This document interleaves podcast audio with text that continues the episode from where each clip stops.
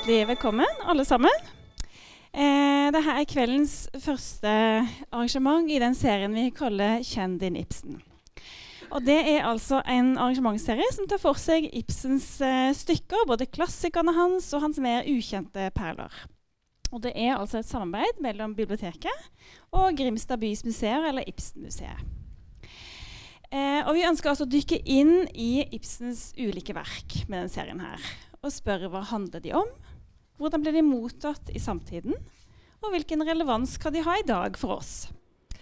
Eh, og jeg vil gjøre oppmerksom på at denne kvelden her blir tatt opp, som vi legger den ut som podcast. Det er mulig å høre den en gang til hvis man vil det seinere. Den finner man der man finner podkastene sine. I kveld skal det handle om 'Fruen fra havet'. Og det er et stykke som Ibsen skrev i slutten av 1880-årene. Og I det stykket her så utforsker han bl.a. spenningen mellom vitenskap og mystikk, fornuft og følelser. Og det gjør 'Fruen fra havet' til et stykke man kan gå på skattejakt i igjen og igjen. I hvert fall ifølge kveldens foredragsholder, som er Birgit Amalie Nilsen. Og hun er tidligere teatersjef ved Haugesund Teater og Kilden Teater i Kristiansand. Og så har hun òg erfaring som både skuespiller, og manusforfatter og regissør, og har bl.a. hatt jobb her, både jobba her i Fjæreheia og ved Ibsenmuseet i Grimstad. Men nå er hun altså ved Arkivet for freds- og menneskerettighetssenter. Vær så god til deg, Amalie. Takk.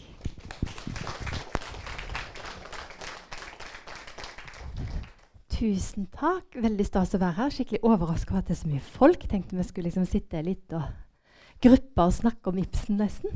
Veldig stas at det er så mye folk her. Og jeg har hatt det så gøy eh, når jeg, jeg havna jo på skattejakt igjen. Eh, dødsforelska i Ibsen og dødsforelska i dette stykket.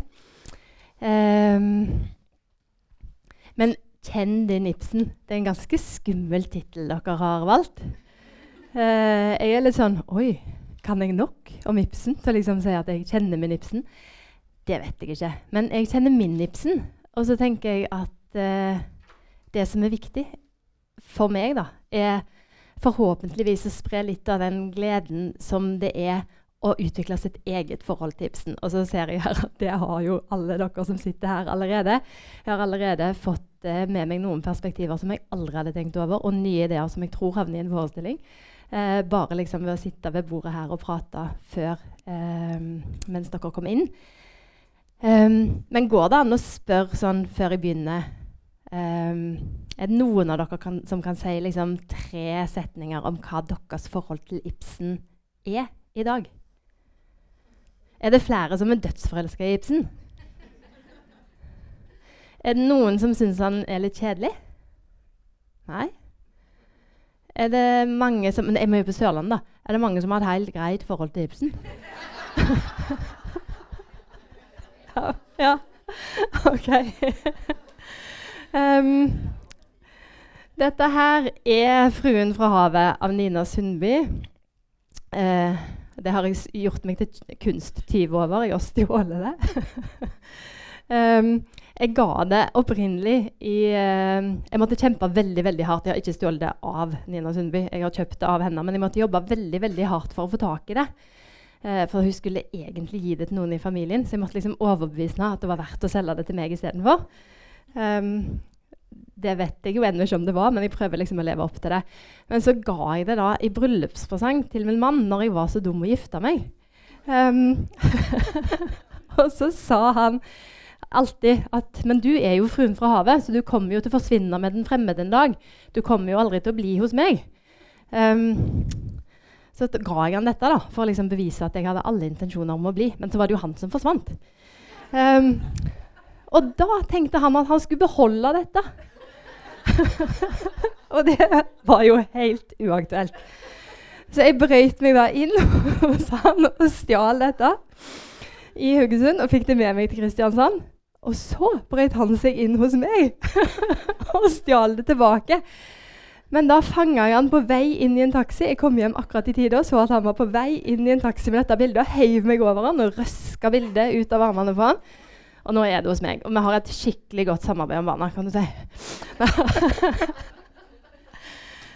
um, så jeg, jeg, tenker liksom Jeg husker jeg produserte et dukkehjem første gang når jeg var i 20-årene. Og var litt sånn Ja, ja, er dette aktuelt i dag, da? Um, og så var det ei dame i publikum som sa men dette handler jo om meg. Og så så jeg på henne og tenkte jeg, norsk dame liksom, på 90-tallet. Det er jo ikke mulig at dette handler om deg. Kanskje hvis vi var i India, eller kanskje hvis vi var i Pakistan. eller... Så ble jeg litt eldre, og så skjønte jeg det handler jo om oss alle fremdeles. Um, og jeg tror det er derfor jeg elsker 'Fruen fra havet' så sterkt. Fordi, i hvert fall for meg, så er det fremdeles helt uoppnåelig, eh, det som Henrik Ibsen gjør med 'Fruen fra havet'. Og han jobber jo veldig lenge sjøl før han kommer dit. Um, jeg produserte et dukkehjem igjen ganske lenge etterpå, og da kom mine foreldre, begge to, og så det. Um, og da var de sånn 75 ca.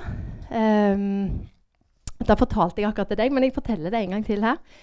Um, for da, eh, etter de hadde sett stykket, det var i Kilden, eh, så kom, satt, kom, de ut, satte seg ned. Har et, de har et helt sånn normalt dysfunksjonelt forhold.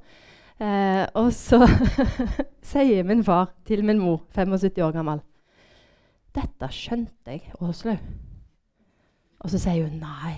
Jo, dette skjønte jeg. Og jeg skjønner at det er altfor seint å skjønne det, men jeg skjønte det, og jeg vil at du skal vite det. Unnskyld. 75 år gammel. Det var veldig sterkt. Og mor mi begynte å gråte. og Ikke så lenge etterpå fikk han et slag og er litt låst inni seg sjøl. Så det at han fikk sagt det før han eh, ikke forsvant, men ble ute av stand til å si det, det betydde veldig mye for deg og for meg, og ga meg igjen troen på teaterets kraft. 'Fruen fra havet', det er jo um, Det er en oppsummering tenker jeg, av så mange av Ibsen sine stykker. Eller ikke en oppsummering, men en sånn um, kulminasjon. Er det et ord? Kulminasjon. Um, for når han jobber med et dukkehjem um, som er ganske sånn nylig etter at han har bestemt seg for at han skal være en del av den nye samfunnsånden, Uh, så lager han tre sluttscener. Sant? Han uh, lager den sluttscenen uh, som er den mest kjente, der hun smeller igjen døra og går, og ekko av dørene gir gjenlyd over Europa. Det er jo veldig fint. Eh, og så skriver han den tyske slutten, eh, som Nå husker jeg ikke hva hun heter. Eh, Stjerna i Tyskland. Divan forlanger, som nekter å gå fra sine barn, og forlanger da at han skriver en slutt der han blir. Den skriver han jo òg. Og så skriver han på en serviett en slutt der Nora tar livet av seg. Eh, og så snakker han da om samfunnet eh, som er mannens samfunn, og der kvinnen ikke har en plass og ikke kan være fri, og ikke har andre valg, sier han da, enn um, å gå eller å ta livet av seg. Og så jobber de jo videre med Ibsen, da, disse kvinnene rundt han. Camilla Collett og Susanna Ibsen. Introduserer han til John Stuart Miller og jobber liksom ja, med det materialet de har. Um, og så får vi Hedda Gabler etter 'Fruen fra havet'. Men først så får vi da Rosmersholm og 'Fruen fra havet'. Rosmersholm tenker jeg som sånn første stykke der Ibsen ser at det vidunderligste som ikke kan skje i et dukkehjem, dette at eh, en mann og en kvinne kan ha et likeverdig, gjensidig, respektfullt forhold, det blir sett på som umulig det vidunderligste, det uoppnåelige i et dukkehjem. I Rosmersholm skjer det, men samfunnet rundt kan ikke håndtere det. Sånn tolker i hvert fall jeg det. Så Derfor er den eneste løsningen at de tar livet av seg sammen etter at de har funnet denne likeverdige kjærligheten. Og så kommer vi da til fruen fra havet, hvor friheten får lov å leve i samfunnet. Og det, denne utviklingen skjer jo samtidig som samfunnet utvikler seg. Og jeg sa jeg skulle snakke om to brev i dag, men jeg vil snakke om tre. Jeg vil begynne med et brev som Camilla Collett eh, skrev da hun hadde sett 'Fruen fra havet' for første gang. Kjære Ibsen. Jeg var i tirsdags i teatret og så 'Fruen fra havet'. Ja, hva skal man si? Det var Ibsens stykke, og det ble dog ikke til Ibsens stykke. Jeg tror dette dramaet minst av alle deres kan spilles av danske skuespillere. Hun har sett i København. De danske har vanskelig for å tenke seg og forstå den virkning en natur som vår, en natur som vår kan øve. Og dog, på meg gjorde det et mektig inntrykk. Hin aften må skje det mektigste av alt hva jeg har sett på scenen av dem, Ibsen. Jeg er jo selv en slags frue fra havet, eller kall meg fruen fra elvedypet. Fra Eidsvolls dype, skyggerike dale. I en lang rekke ungdomsår ferdes jeg her, ferdedes jeg her ensomt i drømmeri. Så jeg til sist innforlivede meg med dalnymfene selv og ble drevet til å spille deres roller for de andre. Jeg skulle ha spillet Fruen fra havet og nettopp denne rolle.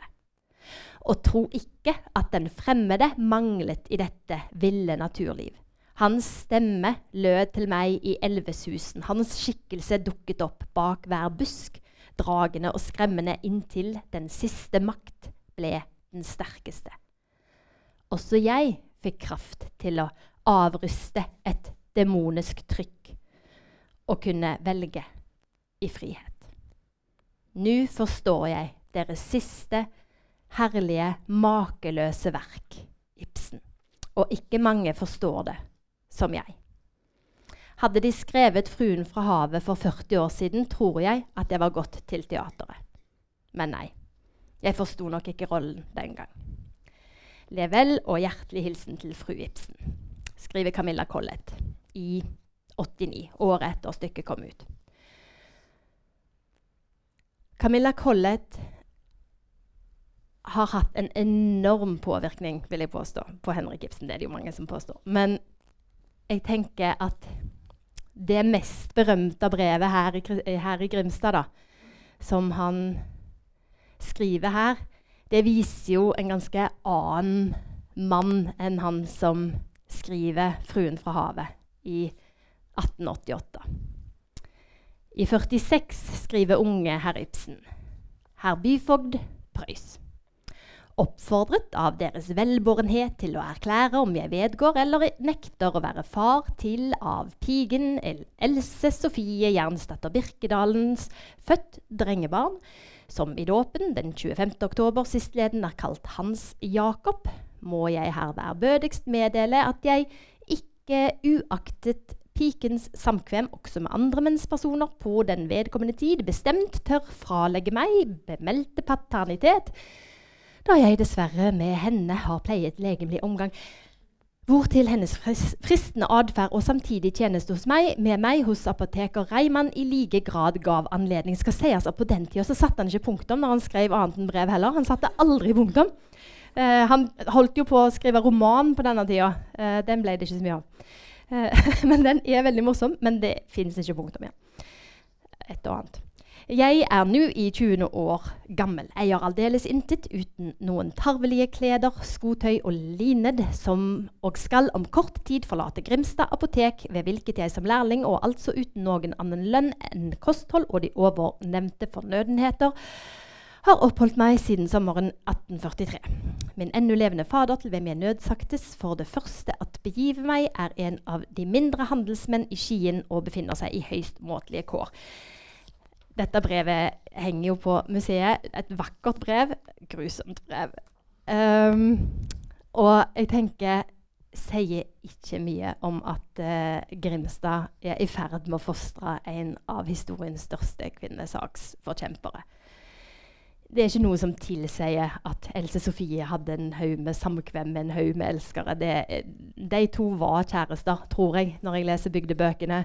Um, Hans Jakob Henriksen var eh, veldig opptatt av sin far hele sitt liv.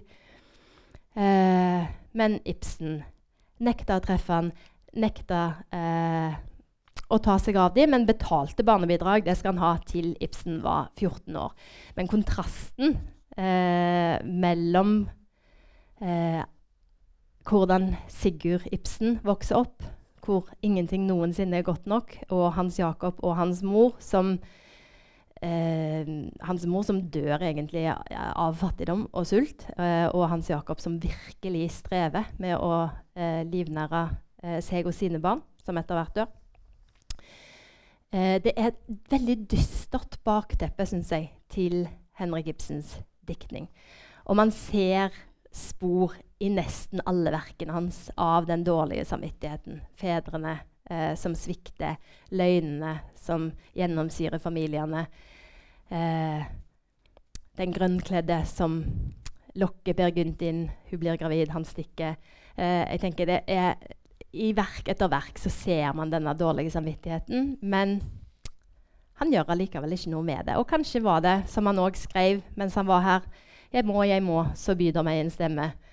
Uh, og han skal noe større og bedre enn dette liv. Og jeg har lurt på, for nå kommer jeg tilbake til Camilla Collett og um, Susanna Ibsen, disse to gode vennene, som prøver og prøver å overbevise Ibsen, uh, som de til slutt gjør, og det fører fram til 'Fruen fra havet', som jeg skal komme tilbake til.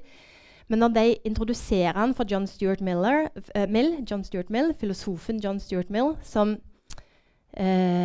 er en veldig viktig kvinnesaksforkjemper, tidligere enn Ibsen er det, eh, og som er veldig tydelig på at han hovedsakelig kan gi ære for alt han skriver til sin kone, eh, suffragetten Henriette Mill, så avfeier eh, Ibsen veldig kraftig disse ideene. Og da har jeg lurt på om det kanskje har litt med den dårlige samvittigheten hans å gjøre. Fordi eh, John Stuart Mill snakker om eh, lykke som noe som på en måte kan forsvare eh, at man skal lykke er, og, Eller en god handling er den handlingen som gir lykke til flest mulig mennesker. Og, altså, det kan godt være at jeg leser for mye mellom linjene her, men jeg tenker, kan det være at Henrik Ibsen tenker at selv om det viste seg å være riktig for diktningen, viste seg å være riktig for verden, for det vet han på denne tida, på 70-tallet, når han blir introdusert for John Stuart Mill, så lurer jeg på om han tenker på det han har gjort, og kanskje ikke helt eh, lar seg overbevise om at det var moralsk riktig allikevel. Men om det nå var hans dårlige samvittighet, eller om det rett og slett bare var tidsånden som fanget han, så utvikler han seg i hvert fall veldig med årene, gjennom dramatikken sin, gjennom, livene, gjennom livet sitt. Um, og så kommer dette brevet, som han skriver til Stortinget i 1884. Sammen da med eh, Alexander Kielland, Jonas Lie og Bjørn Stjerne Bjørnson. Eh, og som dere vet, så skal jo Sigurd da gifte seg med dattera til Bjørn Stjerne Bjørnson. Stortinget har i sin tid henvist spørsmålet om særeie for den gifte kvinne til formannskapernes betenkning. Vi lader stå hen fra hvilken tid formannskaperne fikk denne særskilte fullmakt av kvinnen. Vi innskrenker oss til å hevde at den forutsetning hvorfra de fleste formannskapsbetenkninger åpenbart går ut, nemlig at ekteskapet i sin alminnelighet grunnlegges på kjærlighet. Hvorfor sameie fremdeles tilrådet som regel, den er neppe riktig. Kynisk og fint der, altså. Selv om så var, selv om ekteskapet var grunnlagt på kjærlighet, eh, tør vi i en så alvorlig sak minne om at kjærligheten er en mangfoldig ting. Til grunnlag for varig økonomisk ordning er han lite skikka. Ei heller er han som foreslått nok uh, at den gifte kvinnen kan stifte særeie hvis hun vil. Det er ikke nok. Derved kunne lett kravet komme til å se ut som en støtende unntagelse, og sådan skyr gjerne kvinnen. Hun må vite og føle at hun trer inn i ekteskapet med samme lovlige rett som mannen. Ikke alene hun, men mannen vil moralsk vinne herpå, og samlivet lettere fra først av få rette, det rette verdighetspreg. Også kjærligheten, hvis den er der, vil støttes av likhetsfølelsen. Hva særskilt det økonomiske vel angår, så tør det være en ikke ualminnelig erfaring at hvor drukkenskapen ennå utgjør en nasjonal institusjon, og vågede handler, altså risikofylt handel, og kausjoner neppe hører til sjeldenhetene. Derfor er det i samfunnets interesse at en gifte kvinne så snart som mulig opphører å være juridisk umyndig. Dette er jo ganske lenge før stemmeretten kommer til kvinner. altså Dette er i 1884. Vi får stemmerett i 1913. Um, og det er interessant å se Ibsen gradvis utvikle seg til en feminist. Han bruker ikke ordet. Han sier nei til å snakke i feministiske forsamlinger. Um, men ordet for feminisme i Kina er noraisme, så jeg tenker vi plasserer han der allikevel. Eller vi kan jo se at han er noraist, da. Um, og kvinnene hans blir i større og større grad individer, ikke bare funksjoner i tekstene hans. Um,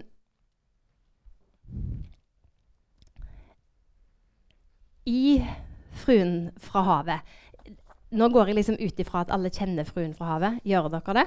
Eller skal vi ta en sånn superkjapp oppsummering? Kjapt. Uh, Elida Wangel Jeg er så god på kjapp. Skal prøve. Uh, Elida Wangel um, vokser opp ute på et fyr i Skjoldeviken. alt foregår oppe i Nord-Norge. Uh, og når doktor Wangels kone uh, dør, og han trenger en ny kone, så kommer hun etter hvert da inn til innerst i fjorden og blir hans kone. Han har to voksne barn. Eller ja, i ferd med å bli voksne. Um, og eh, Elida eh, får sjøl et barn som dør, og etter at det barnet Det blir fem måneder, tror jeg. Og etter at det barnet dør, så går hun inn i noe vi kanskje ville kalt en depresjon i dag, som de da kaller en form for hysteri. Det er litt um, myteomspunnet, men hun er, hun er, syk, men det, hun er syk på sjelen. Uh, og selv om doktor Wangel er lege, så innser han at han ikke kan helbrede henne.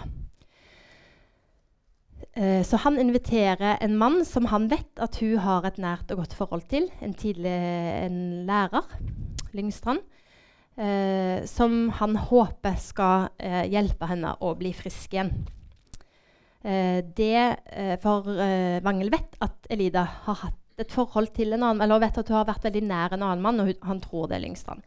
Men Elida har egentlig hatt et forhold til en fremmed, som mest sannsynlig da er en kven en omreisende mann, kanskje en morder. det kommer litt an på hvordan man leser underteksten. Eh, som har gifta seg med henne på et slags naturekteskap. De har eh, tatt noen ringer sammen og kasta på havet, så de har gifta seg i naturens navn. Og så har han sagt at han skal komme tilbake. Han må rømme fordi han er etterlyst. Um, og uh, har lovt å komme tilbake. Uh, og så fjerner da Elida seg tenker at dette var jo, det var jo ikke et ekteskap, og fjerner seg fra denne tanken når hun gifter seg med doktor Wangel og har det ordentlige liksom, religiøse ekteskapet sitt med doktor Wangel. Men dette barnet har de samme øynene som denne fremmede mannen. Um, så når Elida ser barnet sitt, og det barnet dør, uh, så begynner hun å drømme om disse øynene, og så klarer hun ikke å fjerne seg fra tanken om at den fremmede vil komme tilbake. Og da fjerner hun seg fra doktor Wangel og fra barna. Uh, og alt dette snakker de jo selvfølgelig ikke om. Um, og så kommer den fremmede tilbake uh, og forlanger at uh, Elida skal bli med han, fordi hun egentlig er gift med han. Og doktor Wangel blir som alle menn på den tiden. Han er ganske OK, da. Ikke bare ganske OK, han er skikkelig OK. Altså For det første så har han liksom invitert det som han tror er Lidas tidligere elsker, eh, på besøk. For han tror det vil være bra for henne, så han har invitert Lyngstrand på besøk. Ganske bra gjort. Um, og så sier han òg at når denne fremmede, som da skal inn i fjorden, enda lenger inn i fjorden, i tre dager og så tilbake, når han har reist igjen, så skal, han sette, da skal Elida få skilsmisse hvis hun vil det. Uh, for det er selvfølgelig mannen som bestemmer om en kvinne skal få skilsmisse eller ikke i 1888. Um, men inntil da så har han som hennes verge, for han er jo hennes verge, um, ansvar for hennes Og hun er ustabil, så han har ansvar for at ikke hun velger. Så han vil ikke sette henne fri før den fremmede har reist. Og her har liksom Ibsen stjålet fra masse fine stykker eh, på sin tid. Um, 'Wuthering Heights', disse her øynene.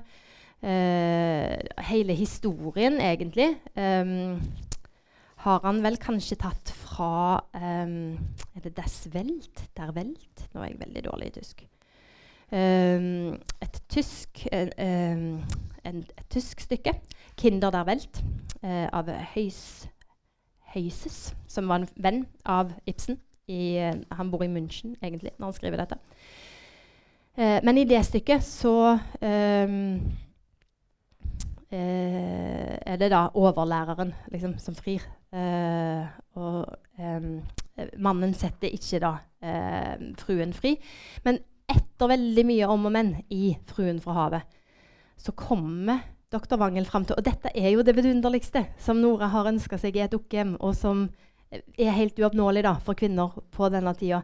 Dr. Wangel kommer fram til at om Elida blir under tvang, så har hun aldri valgt han, og de kan aldri ha et ekteskap. Så hvis de skal ha noen som helst mulighet for å ha et ekteskap, så må han sette henne fri før den fremmede reiser. Og hun må få ta sitt valg i frihet og under ansvar. Um, og da velger Elida å bli. For da kan hun jo det. For da har de jo et likeverdig forhold.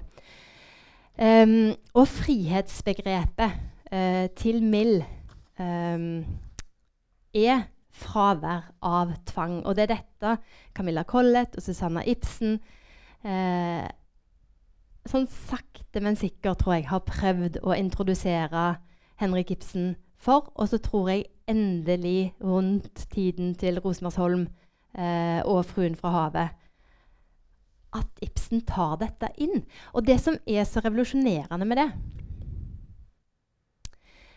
er at når et menneske blir fritt, så kan jo òg et samfunn bli fritt. Og vi er, sant, vi er på 1880-tallet i Norge. Vi har ikke fått vår uavhengighet ennå. Um, og det er enorme indre kamper i Norge. Um, når Ibsen skal beskrive landet sitt, som han ikke lever i Han lever på denne tida i München, har flytta dit fra Roma. Eh, så snakker han om et land som han ikke orker å besøke. Han snakker om en presse som er et debattklima som er så hardt at man skulle tro han skrev om debattklimaet i Kristiansand i dag. Eh, han sier at det bor ikke mennesker her, det bor bare katter og hunder som slåss med hverandre hele tida. Eh, og han kommer sjelden på besøk. Men han tar en tur i 85. Eh, og da snakker han til arbeiderbevegelsen i Trondheim og sier ja, Er det skikkelig rot i notatene mine her? så kan være jeg må lese det herfra. Ja. Et flertall av de styrende idømmer ikke den enkelte verken trosfrihet eller ytringsfrihet utenfor en vilkårlig fastsatt grense. Her er altså ennå meget å gjøre før vi kan sies å have nådd fram til virkelig frihet. Men vårt nåværende demokrati vil neppe makte å løse de oppgaver. Det må komme et åndelig element inn i, vår, inn i, vårt statsliv, inn i vår styrelse, i vår representasjon og i vår presse. Jeg tenker naturligvis ikke på fødselens adel, og heller ikke på pengenes, ikke på kunnskapens adel, ikke engang på evnenes eller på begavelsens. Men jeg tenker på karakterens, på sinnets og på viljens adel. Den alene er det som kan frigjøre oss.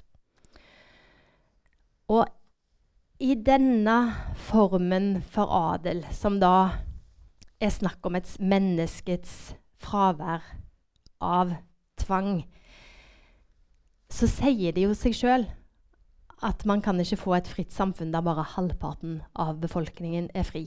Da må hvert eneste menneske være fritt.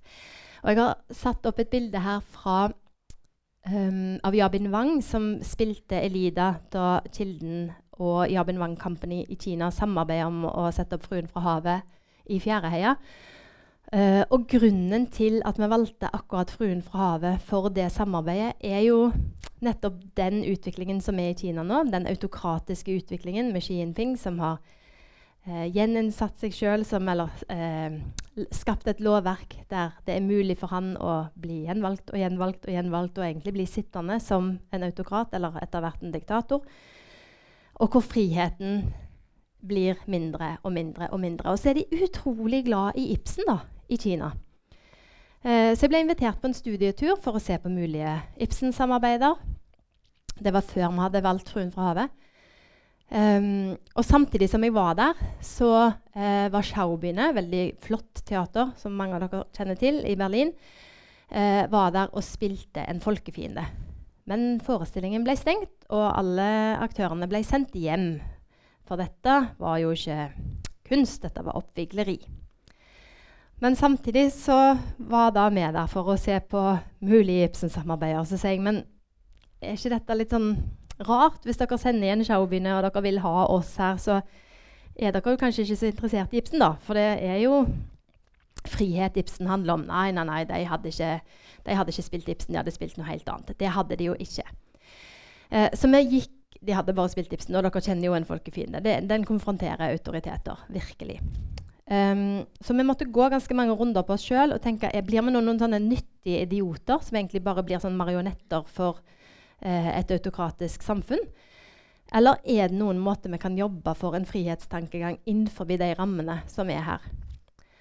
Eh, og da falt vi ned på 'Fruen fra havet' fordi denne indre eh, der, Det som kalles hverdagsmotstand, der som jeg jobber nå på Arkivet, Fre Arkivet freds- og menneskerettighetssenter.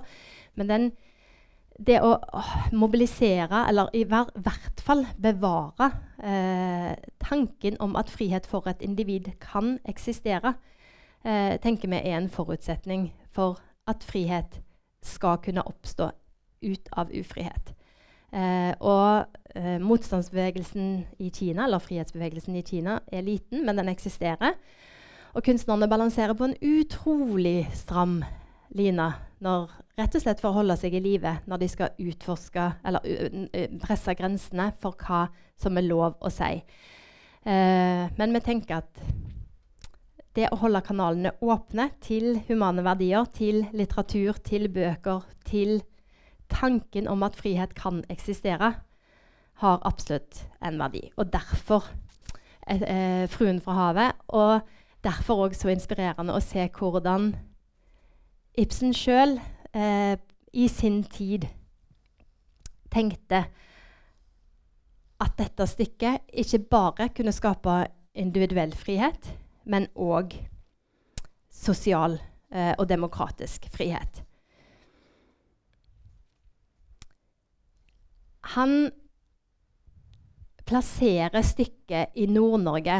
Eh, og jeg lurer på om kanskje dette var farlig, farlige tanker for Ibsen òg på den tida.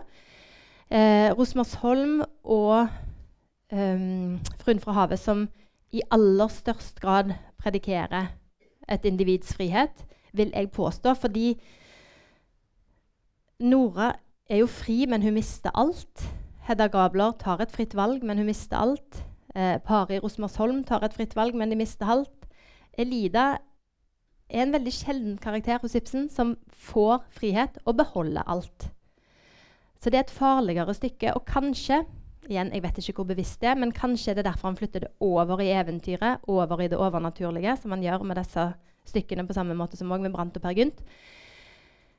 Men han leker med hypnosen, han leker med som, er, som, det blir skrevet mye om på denne tida, hypnose, uh, som behandling mot sinnslidelse. Uh, mens, men Ibsen tar da og gjør det motsatte. Han sier at det å bli frisk er å bli kvitt fra samfunnets Eller bli, få frigjort seg fra samfunnets massehypnose og hypnosen fra den fremmede.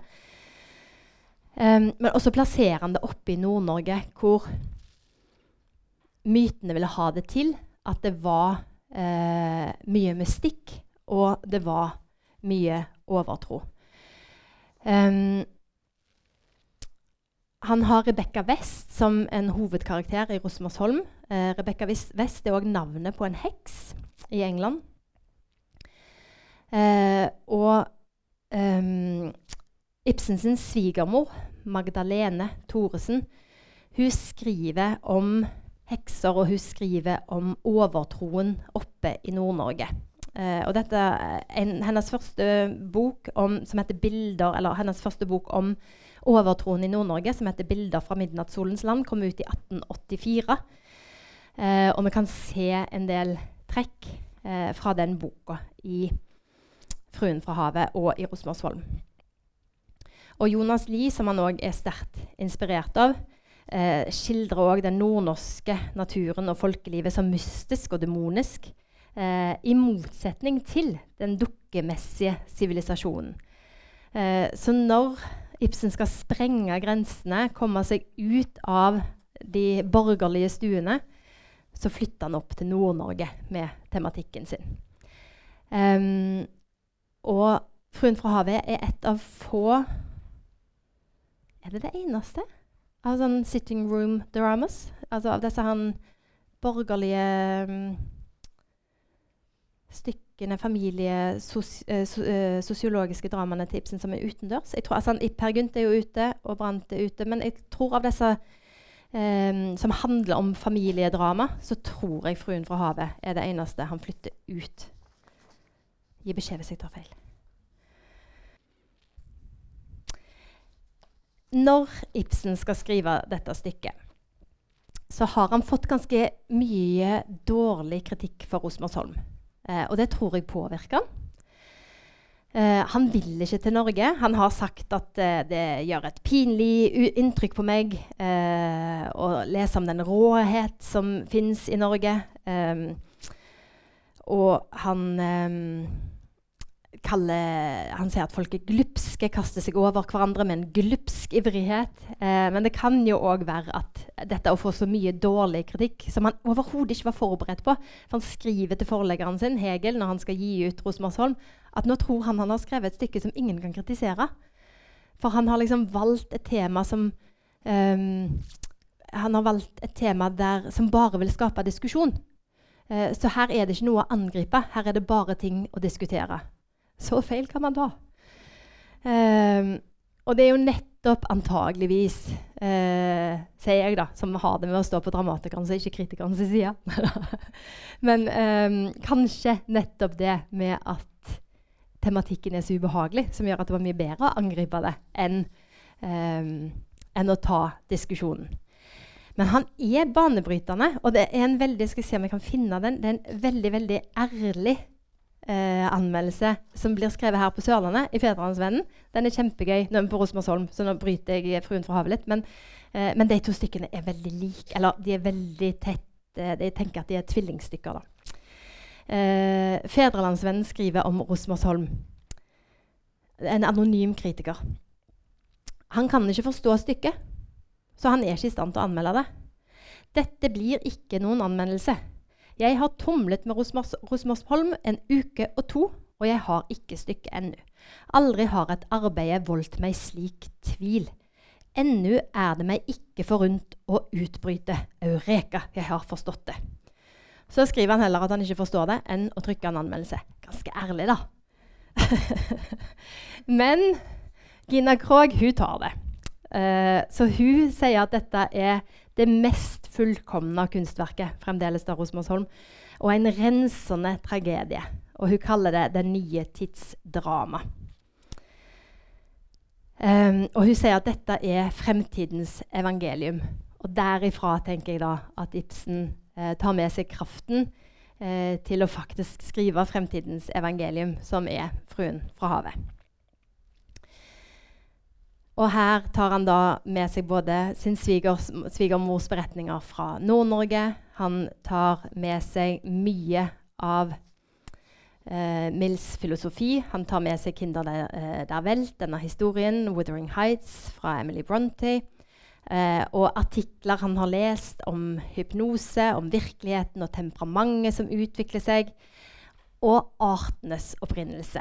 Eh, den kom jo i 59, men den kommer på dansk eh, i 72. Ibsen les, var ikke glad i å lese engelsk og leste veldig lite engelsk, så det er relativt sannsynlig tror jeg, å tro at han har venta på oversettelsen. Nå ser jeg på Therese. Uh, men jeg tror han leste den i 72, og du ser veldig mye spor av Darwin i um, 'Fruen fra havet'. Og ikke først og fremst, tenker jeg, nødvendigvis um, at det påvirker handlingen, men det påvirker karakterene. Du kan se at dette er et verk som folk i samtiden har snakket mye om. Um, og en av uh, the comic relief characters, altså uh, Ballestad, som er en fantastisk karakter, uh, som har en million forskjellige yrker, og egentlig kom til denne lille bygda med et omreisende teaterkompani. Eh, som smuldra opp og gikk konkurs, og som da lærte seg å klippe hår og male. Og han er danselærer, og jeg vet ikke hva yrke han ikke har. Eh, som for øvrig er en av vennene til Ibsen, som også bare sånn, hadde yrke på yrke og yrke på yrke, eh, og som endte opp som ortoped, fikk jeg lære i dag.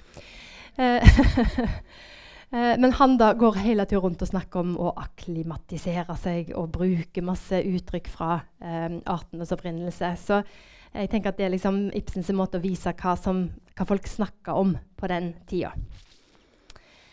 Um, og mens de da forholder seg til naturvitenskapen, så skriver Ibsen uh, i 78 Det er to slags åndelige lover to slags samvittigheter. En i mannen og en annen i kvinnen. De forstår ikke hverandre. Men kvinnen dømmes i det praktiske liv etter mannens lov som om hun ikke var en kvinne, men en mann. En kvinne kan ikke være seg sjøl i nutidens samfunn. Det er et utelukkende mannlig samfunn, med lovene skrevet av menn, og med anklagere og dommere som dømmer den kvinnelige ferd fra den mannlige. Og dette er jo òg det som Camilla Collett har beskrevet i sine verk gjennom Amtmannens døtre, bl.a. Og så kommer da Mills med 'The Subjection of Women', eh, som Camilla Collett introduserer til eh, Susanna Collett, og som hun introduserer til sin mann, som han ikke vil ha noe med å gjøre. Og så utvikler det seg til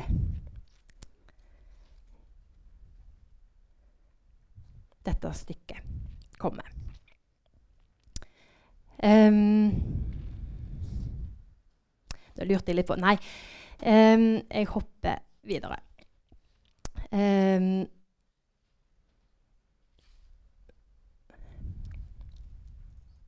går, går, jeg feil vei nå? Ja. Ja, det skal noe til å være en Ibsen, sier Camilla Collett i et brev i 1890. Um, da har hun gått inn i uh, en litt mørk tid. Eh, det, det, det, blir sendt mye brev mellom Camilla Collett og familien Ibsen. Hun skriver både til Susanna og til Henrik. Eh, og besøker de i München, og de har invitert henne på besøk igjen. Um, og hun fordyper seg i verkene, men sier at hun klarer ikke reise. Hun klarer ikke heller å utføre noe akkurat i dette året her. Fordi det skal så mye til å være en Henrik Ibsen. Hun ser veldig opp til han. da. Men jeg tenker det skal jo ganske mye til å være en Camilla Collett òg. Um, eh, og det er egentlig helt utrolig um, hva hun oppnådde både på egne vegne, og hvordan, vil jeg påstå, hun dytta uh, Henrik Ibsen um, i denne retningen. Sammen med Gina Krog og mange andre sterke feminister. Um, vi har jo sikkert alle liksom vår grunn til å ramle inn i ulike Ibsen-stykker. Jeg hata Ibsen eh, når jeg gikk på ungdomsskolen. Jeg, så, jeg må egentlig se han om igjen nå, men jeg så en sånn det er jo skammelig å si det, men som jeg syns var en helt sånn ulidelig kjedelig versjon av 'Villanden' på Norsk Fjernsynsteater, som vi så på skolen. Og så satt jeg og leste disse tekstene som ikke var fornorska i det hele tatt. Eh, så føltes det som å lese en sånn gammeldansk, og det sa meg ingenting. Og jeg bare skjønte ikke greia med Ibsen. Um, og så flytta jeg til England eh, og studerte teater. Ble, uh, ja, ble, skuespiller. Og alle var sånn 'Du må jo elske Ibsen, for du er jo norsk, og du må jo gjøre hovedoppgaven din på Ibsen.' Og jeg bare 'Kan ikke fordra Ibsen. Skal i hvert fall ikke gjøre hovedoppgaven din på Ibsen.' Eh, og så var det en snill bibliotekar. Veldig glad i bibliotekarer eh, som ga meg Christopher eh, Hampton sine oversettelser av Ibsen. Og oh, plutselig så åpna jo tekstene seg. Og så begynte jeg å gå på masse britiske Ibsen-produksjoner, og de var jo så gøy! Og det var jo overhodet ingen respekt. Det var selvfølgelig respekt, men det var ikke den som på den tiden, da, i mitt miljø, så var det en sånn feilslått respekt for Ibsen. Og jeg har egentlig vært litt ut... Jeg vil påstå nå kan, det er gøy, nå kan jeg si det. Eh, jeg vil påstå at jeg har vært litt utsatt for det. Et av de stykkene, jeg tror kanskje det var et dukke, som er satt opp i Kilden, så var det en av kritikerne som skrev Man fremfører da ikke Ibsen liggende. Og så tenkte jeg nei, nei. 2019 eller hva det nå var. Nei, det var ikke det. 2016. Hm. Nei, vi er ikke kommet lenger, liksom. Um, men i hvert fall så den der en berøringsangsten nesten for Eller litt sånn museumsholdningen til at sånn, når vi setter opp Ibsen, så skal vi gjøre det sånn som det ble gjort for veldig lenge siden. Det snakket ikke til meg da. Og så gikk jeg og så alle disse lekne, gøye stykkene der folk putta Ibsen inn i et dukkehus, og Nora måtte sprenge fysisk ut av eh, vegger. og ja, Bare helt sånn fantastiske produksjoner. Så var jeg sånn Oi, er dette lov?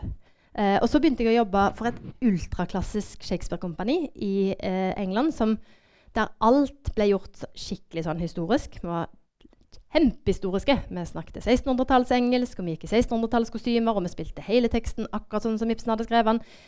Eller noen hadde skrevet den ned mens Ibsen holdt på med prøvene sine. Eh, og så gjorde jeg det i et par år, og det, og det var jo òg å være på skattejakt. For da fant vi jo nye ting hver gang i teksten, og vi dro liksom fra slott til slott og spilte. Så vi spilte òg bare på sånne fantastiske steder. Så da ble jeg oppriktig glad i gamle tekster.